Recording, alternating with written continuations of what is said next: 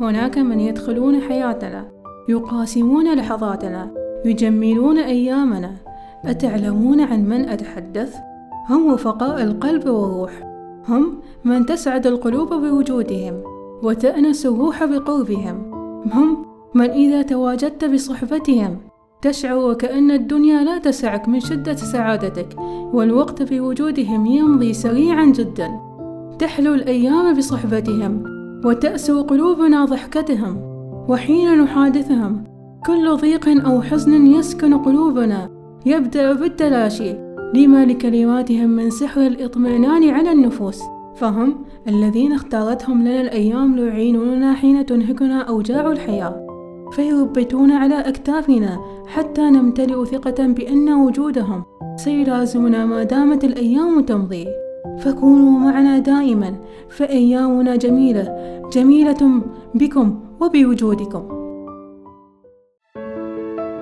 وهناك من الأشخاص من يدخله الله في حياتك ويجعله يتواجد في تفاصيل أيامك ليدربك على أمر ما ويعينك على شيء لم تدركه في أيامك الماضية. فكلمات بسيطة يبثها تنشر طاقة وسعي للعطاء وتغيير أولئك الأشخاص الذين نتحدث عنهم. تميزهم خصال عن غيرهم كالإيجابية وحب التأثير. فننهل من تجاربهم ونتعلم من عطائهم ونستزد من عصارة خبراتهم في الحياة. فبوجودهم طاقات خرجت للحياة وبكلماتهم قلوب شفيت من كبت الأيام. وهناك من الأشخاص بل يتواجد في أيامك كوضة ضوء. يضيء بوقت معين. أولئك الأشخاص يدخلون لحياتك بلحظة معينة ليبعثوا لقلبك بعض الإشارات على بعض تساؤلاتك المحيرة في نفسك. وما تدرك الإجابات حتى يبدأون بالرحيل بهدوء وصمت كما كان دخولهم إلى حياتك بهدوء وصمت كذلك؟ وأخيرا وهناك من الأشخاص بل شاءت أدوارهم أن يكونوا بصحبة الكثيرين على اختلاف شخصيات المحيطين بهم وأطباعهم. فمهما اختلفت ظروفهم فهم يؤدون أدوارهم. ومهما تعسرت أحوالهم فهم يقومون بواجباتهم. لدى الاتزان في كل وقت وحين من سماتهم فهناك مقولة الجميلة لويليام شكسبير هي كل إنسان في حياتك هو نعمة أو درس. يدخل الله الأشخاص في حياتك لسبب ووقت ويسفح لهم بالرحيل منها لسبب ووقت كذلك. فلوجودهم في محيطك رسالة قد تكون مبهمة معانيها تحتاج حينها إلى تلك الجلسة وإلى ذلك الاسترخاء الذي تسند به رأسك على كرسيك فتتسلل كلمات الإدراك إلى عقلك ثم إلى قلبك. فتأخذك الكلمات لتتفكر وتتبعل في تلك المعاني حتى تدركها فخذ العبرة من دخول كل شخص في حياتك ومن وجوده في تفاصيل أيامك وجمل ذلك الوجود بجمال ذكرى تصنعها معه.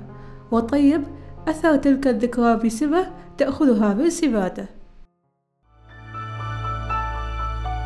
وفي ختام حلقتنا يا من تتجمل أسماعكم بكلمات مشاعر بودكاست لحظة وشعور. حلقتي وهداء اليوم لحب وجودكم الذي أثرى على عالمي شيئا جميلا ومميزا والذي أحببت كلماتكم ومشاعركم التي غمرتموني بها خلال الحلقات السابقة برسائلكم في مختلف القنوات.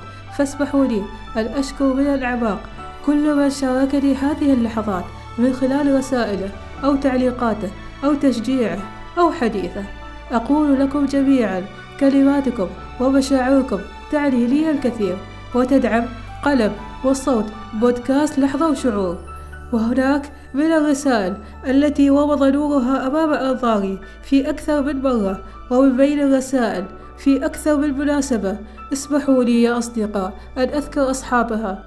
إنها لأصغر الكتاب الذين تعرفت عليهم. شب اليحياني التي كلما عرفت عن إنجاز لكتاب مشاعر القلم حرصت على إسعاد قلبي. بالرغم من عدم معرفتي بهذا الإنجاز حتى ولفتني بشخصيتها على صغر سنها حبها للبذل والعطاء.